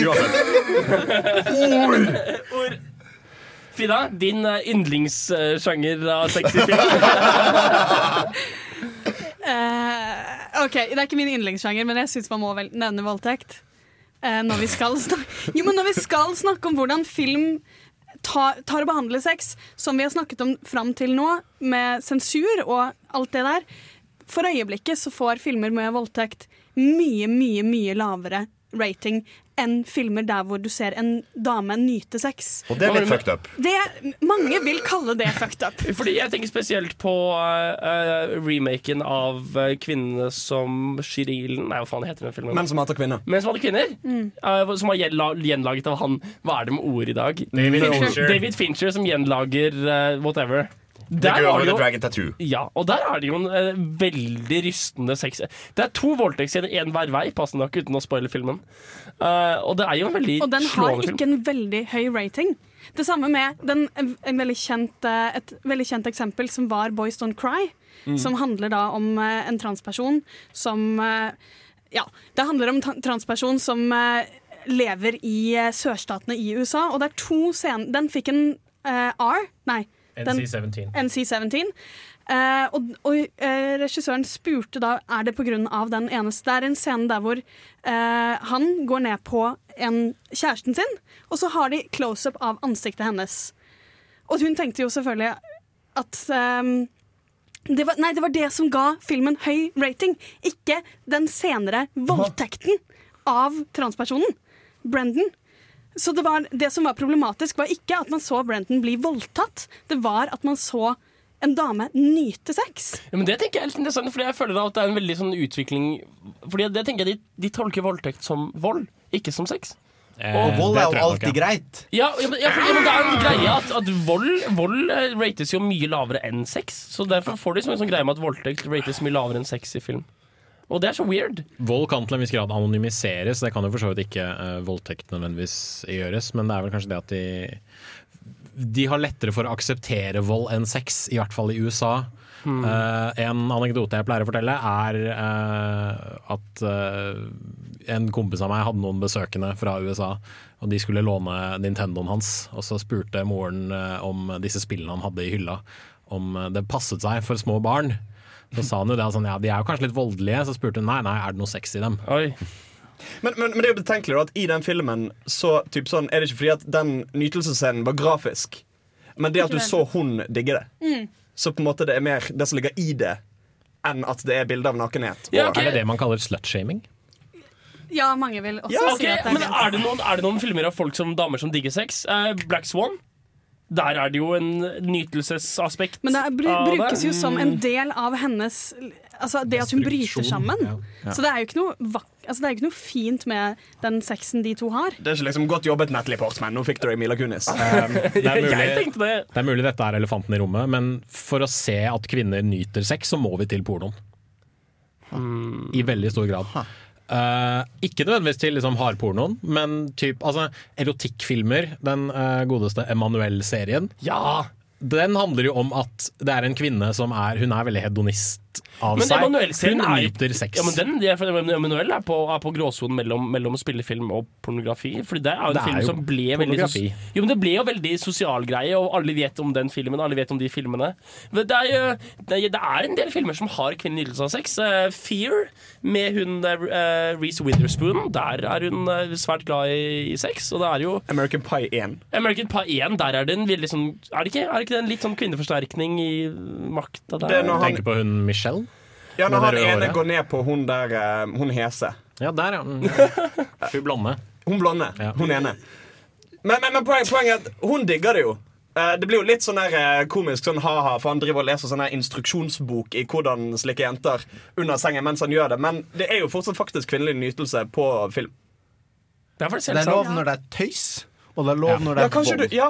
Er det de, liksom de pakker det jo inn i en morsom scene at både så leser han instruksjonsmanual, Ja, ja, og så det- kommer faren hennes opp trappa for å Ja, rope henne ned til middag. Ja, og så, ha, ha. Ah, ok. Da pakkes det inn i humor. Fy faen, det, det, det Skumle greier. Trenger mer kvinnelig nytelse i film. I grunn. Ja. I verden Yay! I verden. Vi lar dere tenke på den eh, mens vi hører en låt. Eh, vi skal høre Kendrick Lamar med King Kunta, og etter det skal vi snakke om ukas hjemmelekse, som var Shame. Jeg håper du koser deg.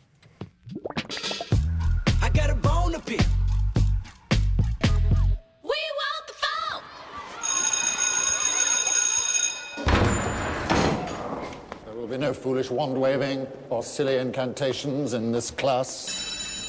No, okay, that's it for the day then. Today we have a similar debate over this. Anyone know what this is, class? Anyone?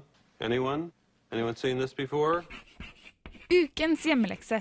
Ukens hjemmelekse er Shame. Og hvorfor er Shame ukens hjemmelekse? Altså jeg føler um, Vi snakket jo om det før låten. Mm. Tenkte om uh, konflikten rundt å vise sex uh, som vold, vise sex som et middel. Altså Enten om det er i eh, high school-filmen, som det man må gjøre for alle guttene, Mm. eller som i Game of Thrones, for det handler om makt. Altså, Ja, det, det, du, har, du har den sexen, men så har du den sexen som handler om intimitet. Den Ja. som handler om nytelse. Hvor det, altså, det er på en kontrast. da Hvor, hvor sex i veldig mye film, av filmhistorien Så har sex blitt brukt som et sjokkvåpen. Og som et sånt, på en måte, sånn der, bare for å legge liksom Her, se! Det er kunst! Han kommer på henne, og hun kommer på han, og det er, det er hester! Eh, men, Hva men slags filmer var dette, Henrik? Nei, Var det, var det liksom en metaforisk hest? Nei, Ja, ja, jeg, jeg skal ikke spørre. Skal Men ikke en helt annen ting er jo da hvor filmen er et tema Hvor sexen er tema. Hvor Mm. det handler om intimitet, og hvor det er en egen karakterutvikling. For eksempel. Og at sexen ikke har et formål utenom det å faktisk ha sex. som, som delfiner.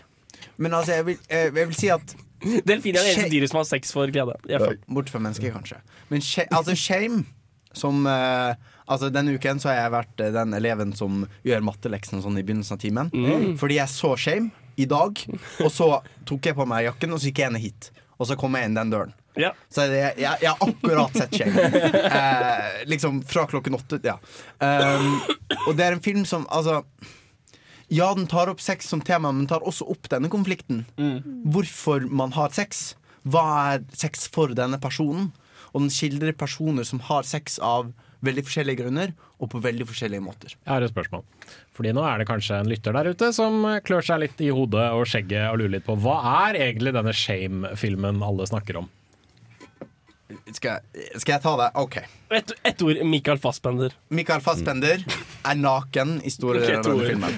Um, men det er ikke grunnen til at du skal se den. Altså Det fins bedre grunner enn en naken Michael, Michael Fassbender. Finnes det bedre da er, det, da er det en god film! Eh, tenker jeg, da. For det er jo en film som tillater uh, seeren og Du føler veldig at du er til stede.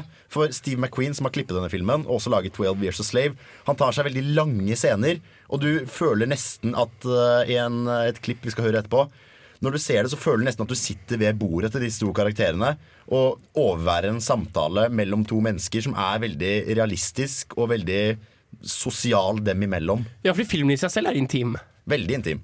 Det handler, eh, Kort oppsummert handling, så handler det om en mann som sliter fryktelig mye med intimitet, og samtidig er han da sexavhengig. Nymfoman? Eh, jeg tror ikke Nei, egentlig det er nei, det er ikke det samme. jenter. Ja, ah. Eh, Jeg tror egentlig det var Oi, du likte sex, og du var jente. Unnskyld, eh, vi er på vei inn. Ja. Morsom detalj, da. Men, Det morsom, eh, ja.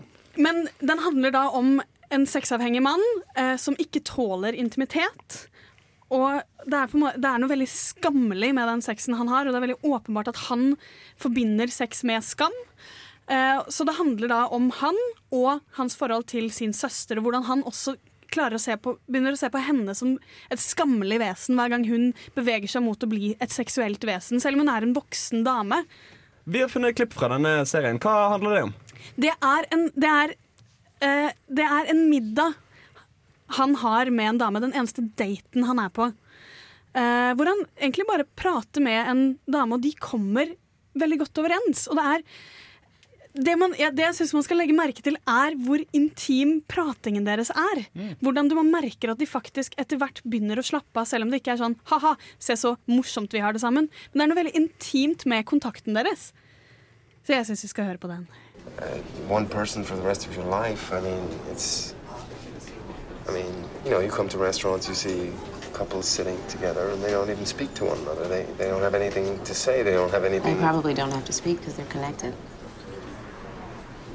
Or they're just bored with one another. Here we go. What's your longest relationship? Um, Exactly. As you can pour. Four months.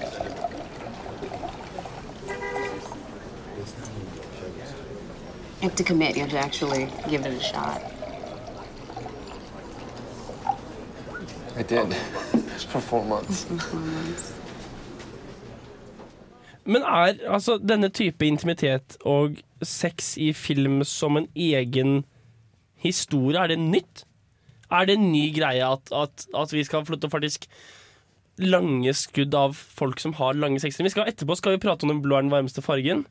Og så vel- men det var den Og så var det jo det er flere filmer hvor du, hvor du får se at de faktisk har skikkelig sex, og så blir det litt sånn herregud, dette var litt Jøss, liksom, find a room. Get yourself a room. Og det er ikke jeg som på en måte syns at sexen er At det er kjipt at det er sex i film på et moralsk nivå. Det er bare det blir nesten litt for intimt. Men, men litt at du på en måte føler at du spionerer, nærmest. Ja, kanskje. Det er altså øh, Jo, men at, at, at heller, heller enn at det er sånn Her var det litt mye kropp og nakenhet, så blir det at du ser på Ja, Hvor mye rumpe har du som ser av Michael Douglas, liksom? Altså, jeg vil nesten si motsatt. Eh, altså, for, for å ta det i kontrast til porno. Porno er som å sitte på en stol i et rom og se på folk ha sex. Sant? Det, det, er, det kan være litt ekkelt, men det, jeg syns Shame har veldig nære eh, Du ser veldig mye av sexen i Shame. Men jeg føler ikke at jeg spionerer. Jeg føler jeg kan på en måte Jeg får følelsene deres rått og intimt, men ikke på en måte På en ekkel måte. Er det, er det, er, jeg har nå jeg har dessverre ikke sett Shame, for jeg har vært syk så mye. Mm. Men Hans pratet jo i Whiplash hvor, hvor kult det var å se karakterutviklingen gjennom musikken. Kunne du se karakterutviklingen gjennom sexen i Shame? Ja. Det skal sies at det klippet, bare for å spoile det Nei, ja. ja. OK, det er bare spoiler. men- Jeg, jeg skulle ha sett filmen. Men det er en litt viktig ting at uh, den damen vi hørte han prate med, den eneste damen du ser han komme overens med, klarer han ikke å ha sex med. Du, så du, du, de viser på en måte hva sex er, og spesielt den scenen hvor mye han skammer seg over hvor mye han trenger å skamme seg. For å på en måte fjernet sexen fra det personlige og det emosjonelle. Mm, og med en gang han får det tilbake, så, så fungerer det ikke, for det er ikke det han har bygget det opp til. Vi skal snakke mer om intimitet og sex på film. Før det skal vi høre en låt. Vi skal høre Walter TV med surf metal. Eh, Du hører på Filmofil. Vi skal holde på i en halvtime til, så jeg håper du blir. Vi snakkes.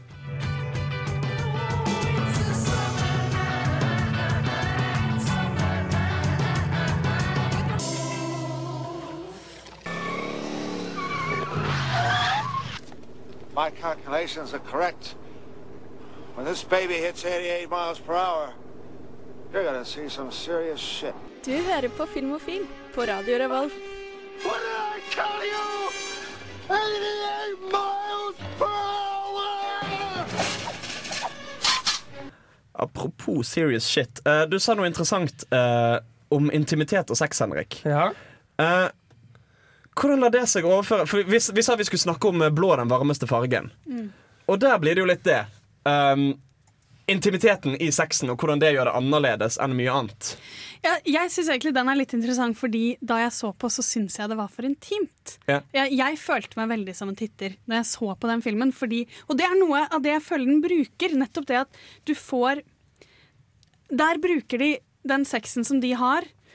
Eh, for de som da ikke har sett 'Blå er den varmeste fargen', så er den veldig kjent fordi det er eh, Det handler bare om to jenter og deres forhold. Hvordan det bygger seg ut, hvordan det er å være i et forhold over lang tid. Det er en veldig sakte film. Mm. Og den har da også veldig sakte, veldig detaljerte sexscener. Som varer fem til ti minutter. Og det blir på en måte Du, du forventer at det skal ha sånn Nå er det sex! Nå er det ikke mer sex! Men her fortsetter de, og de liksom tvinger deg til å være med i det, den intime kontakten de har. Ufrivillig voyeurisme. Ja, men det blir litt sånn Jeg føler at jeg ikke burde vært der. Mm. Jeg Mm. føler at Dette er deres greie, liksom. Ikke la er- meg trenge inn på dette dette. her er noe vakkert som skjer mellom dere to. Mm. Og dette her uttrykker deres forhold så bra. Her burde ikke jeg vært. Kan jeg stille et personlig spørsmål til de i studio? Gjerne. Eh, Når du har sett en sånn film, enten Shame, som har ganske detaljerte sexscener, Blå er den varmeste fargen, har dere blitt eh, tent av de scenene? Nei. Nei, ikke når det er så intimt. Nei. Da er det sjelden det- at jeg eh, Nei. Det blir nesten forbi sex, på en Ja, måte. for det har ingenting Altså- med meg å gjøre. Altså, det- når, hvis jeg, når, jeg, når jeg blir tent av å se en, en, en film, altså en filmfilm, eh, så er det fordi jeg klarer å identifisere meg med det. Altså Jeg klarer å fantasere med meg selv i det. Men når det er to folk som har sin egen sex mellom hverandre, når, når, de, når de ah, har en kjærlighetsuttrykkelse, på en måte, så har det ingenting med meg å gjøre. Det, er noe, det blir så upersonlig for meg fordi det er så personlig for dem. Ja, men det er jo kjempeinteressant at, altså, hvordan uh, typ, I mange sånn særlig sånn der, litt sånn lettbeinte komedier Så skal liksom han der uh, everyday-guyen være din stand-in. Og når han da får hooke med en eller annen random jente, så på en måte ser du litt for deg at det er deg. Tilsvarende med porno. Porno fungerer som en sånn fantasigreie. Mens når det blir så knyttet til følelser og så intimt, så er du helt ute av regningen, og da ser du på det på en helt annen måte. Ja, det er kjempesant. For eksempel hvis du ser på filmen 'She's Out of My League' med han derre kar kar karismatisk Jay Baruchel. Ja, akkurat. Og hun, en eller annen utrolig vakker dame. Så er det liksom Det er skikkelig sexy. Mm. Og hun er skikkelig sexy i filmen. Og det er liksom, det er, man blir tent av, av, av av det når, det når det først skjer. Men det er, det er som du sier, at du identifiserer, identifiserer deg såpass mye med det. Nå tenkte jeg litt på Gone Girl og hvilken eh, sjanger, sjanger de greiene der havner opp i. Oi! Det er noe helt annet. Der har du jo liksom Hva skal jeg si? Eh, det stikk motsatte er personlig. Kalkulert sex. Ja, så- sånn så- iskald våpensex. Altså sex som en, som en thrillerscene. Men jeg synes jo eh, En annen artig greie med det, f.eks. For eksempel eh, bassengscenen i Spring Breakers.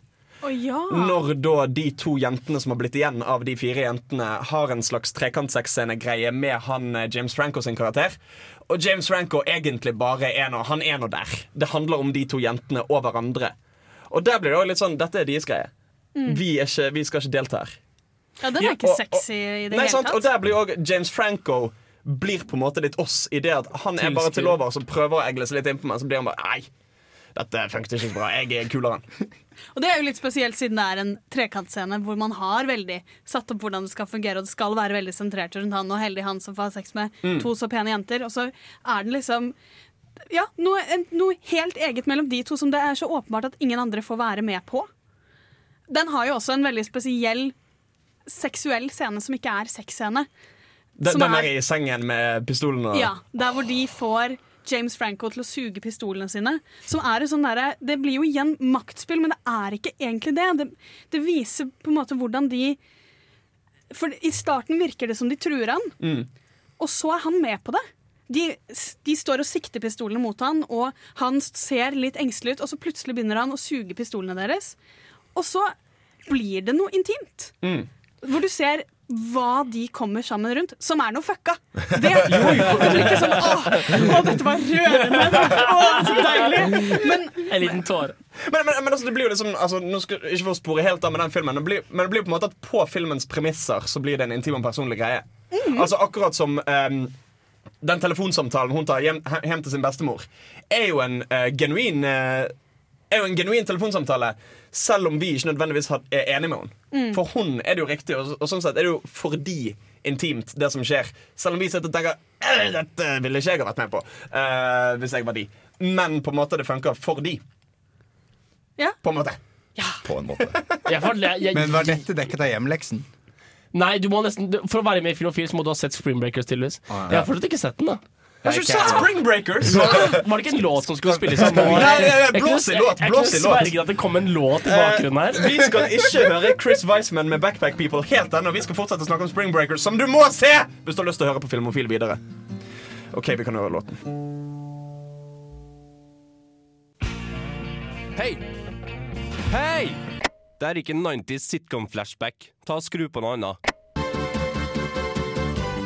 Ja, bedre, men prøv igjen. Der, ja! Ahem.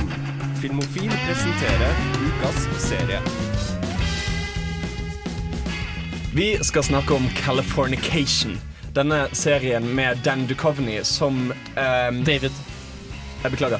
Som spiller Hank Moody i den TV-serien, som Mm. basically får pule alle i California. Ja, basically han jobber seg gjennom California. Ja. Uh, og og det, det på en måte, jeg syns det er litt artig på en måte hvordan de ser på sex i den TV-serien, fordi altså, altså det blir på en måte der er det veldig på hans premisser. Det er veldig sånn den uh, Hank Moody får lov å forsyne seg av det som fins av eh, fitte Ja, på, i på en måte. Ja, på en måte så blir han jo pult av masse damer som har lyst på han. Jeg får forstått at han er mye mer Jo, det er offer jo- for sex enn han er en men Det er jo fantasigreien. Det er jo det, å, jeg skulle ønske jeg var han, for jeg er litt sånn tørrvittig og sånn innimellom, og da hadde alle damene hatt lyst til å pule meg. Nei, men altså, Det er jo en film om, om den. Det er jo en biografi av Hank Moody og hans vanvittige drag på damer. Mm. Og det er jo spesielt sesong én har veldig mye fokus på hvordan han driver og har sex med masse, masse, masse folk. Og så blir det mer karakterstorier og sånne greier i de senere sesongene. Men første sesong er bare vittige vitser og deilige damer. Jo, men jeg er enig i at det er en kjempemorsom serie. Eh, jeg har kost meg veldig med serien. Men, men jeg syns det er på en måte det er vanskelig å se det helt ut av at sånn Er dette en sånn male fantasy, male gaze-type greie? Jo, men det er det jo.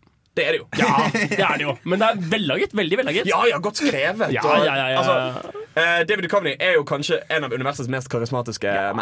Herregud, det er så fantastisk å se på. Men nå blir det de to som har sett Californication, som uh, oh, ja, men det handler om, ja. Ja, litt. Jeg, jeg, altså, Ok. det er en mann som har sex med veldig mange damer. Jeg vet ikke hvor mye mer vi trenger å vite. Nei, ok, uh, Storyen, annet enn at han driver og puler alle sammen, er jo at uh, han spiller Hank Moody, som da er en sånn forfatter. Fra, fra som, New York. Fra New York, som nå bor i California, med alene. For han er nettopp fraskilt fra sin kone og deres datter, og konene skal nå gifte seg med en annen fyr. Og han, liksom, han har skrevet en roman i New York som Som ble kjempepopulær. Og det var 'God Hates You All', som er skrevet veldig i hans egen måte Hans egen prosaiske måte, som er veldig sånn hatsk og veldig sånn selvrefererende og selvironisk. Så flytter han til LA, skiller seg fra kona. Han the love of his life.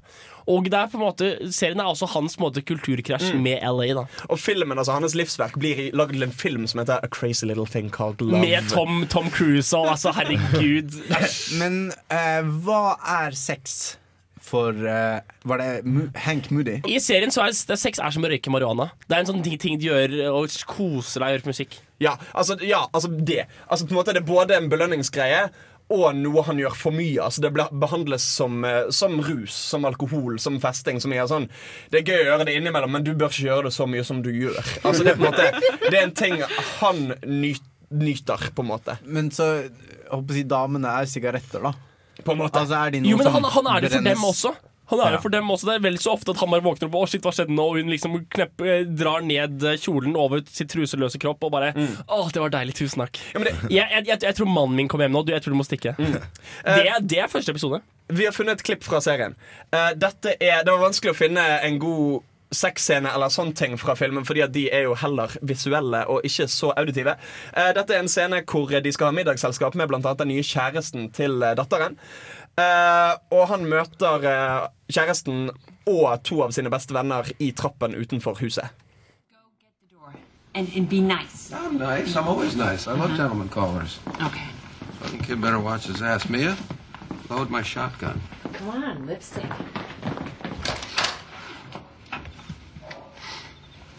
Who are you? Damien. What do you want? Uh, I'm here to see Becca Moody. Do you like the rap music? Um, yeah.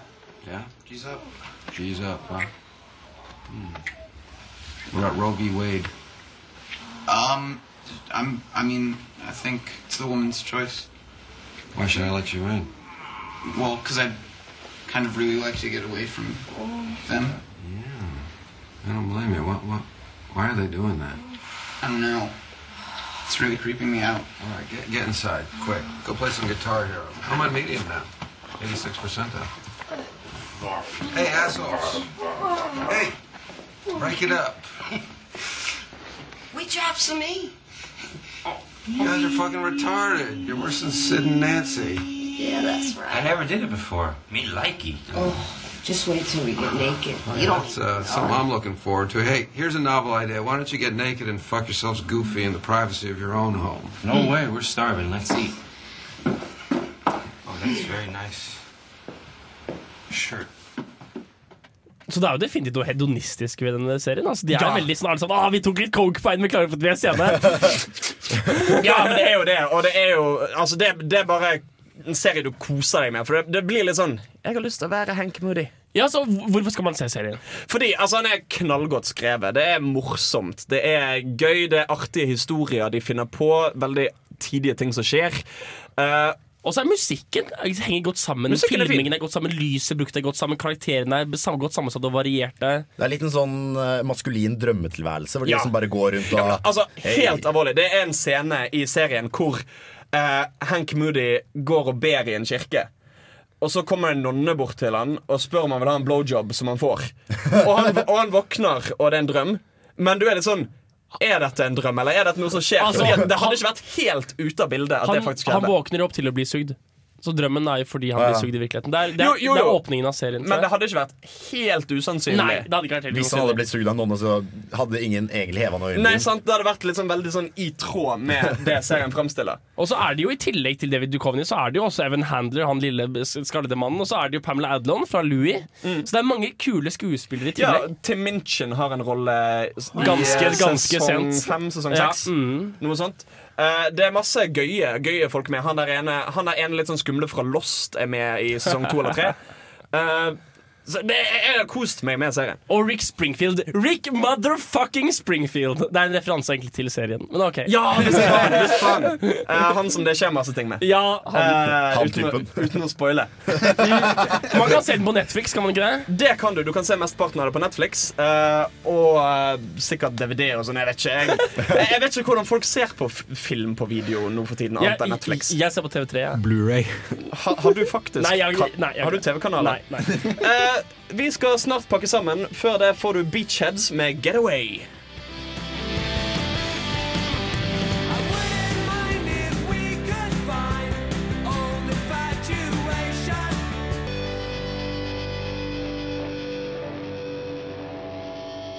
Da var vi ved veis ende for denne kveldens sending av Filmofil. Det har vært en eh, artig sending.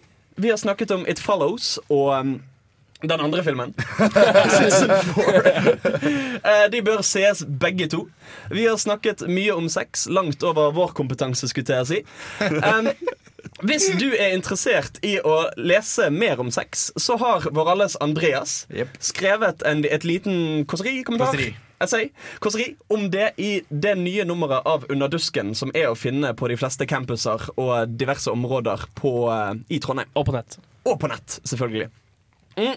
Nei, så det har vært eh, denne, denne sendingen. Hva, Men neste uke? Neste, neste uke? sending. Det kommer en liten film. Ja, en hva het den igjen? eh, Det var som, en eh, oppfølger av et Det var noen eller som annet slag. fortalte meg om den. Um, Age of Age, Age of Empire Ultimate. Age of Ultron! Ja! Bitches! Å, vi skal slåss så jævlig om hvem som. Whedon. Er det oppfølgeren til Avengers eller noe? Det er det. Så vi skal selvfølgelig snakke om superhelter eh, neste sending. Og eh, jeg har fått den store æra av å dele ut det som skal være deres hjemmelekse. Og da tenker jeg superhelter. Vi må tilbake til kilden. Vi må tilbake til 70-tallet. Vi må tilbake til Superman Mm, the mm, Movie mm, det er med av Christopher Richard Reeves. Donner. Christopher Reeve i hovedrollen. 1978. Beste superhelten, beste superheltfilmen som fins. Ja visst. Nei, så det var dagens sending. Uh, jeg håper du var på neste. Den kan du finne på DAB pluss til og med. Det kunne du gjøre denne også. Og lik oss Eh, på Facebook. Lik oss på Facebook, gjør alt. Bare vær kul. Uh, se traileren til Star Wars! Det kommer ny trailer. Fy faen! En til! Enda en. Det blir aldri nok. Det må Ja. komme tid til. Det har, det har vært Hans. Det har vært meg. Det Dette har har vært vært Henrik. det. Frida er her! Jens Erik. Andreas. Jan Markus. Og Hans. Vi snakkes.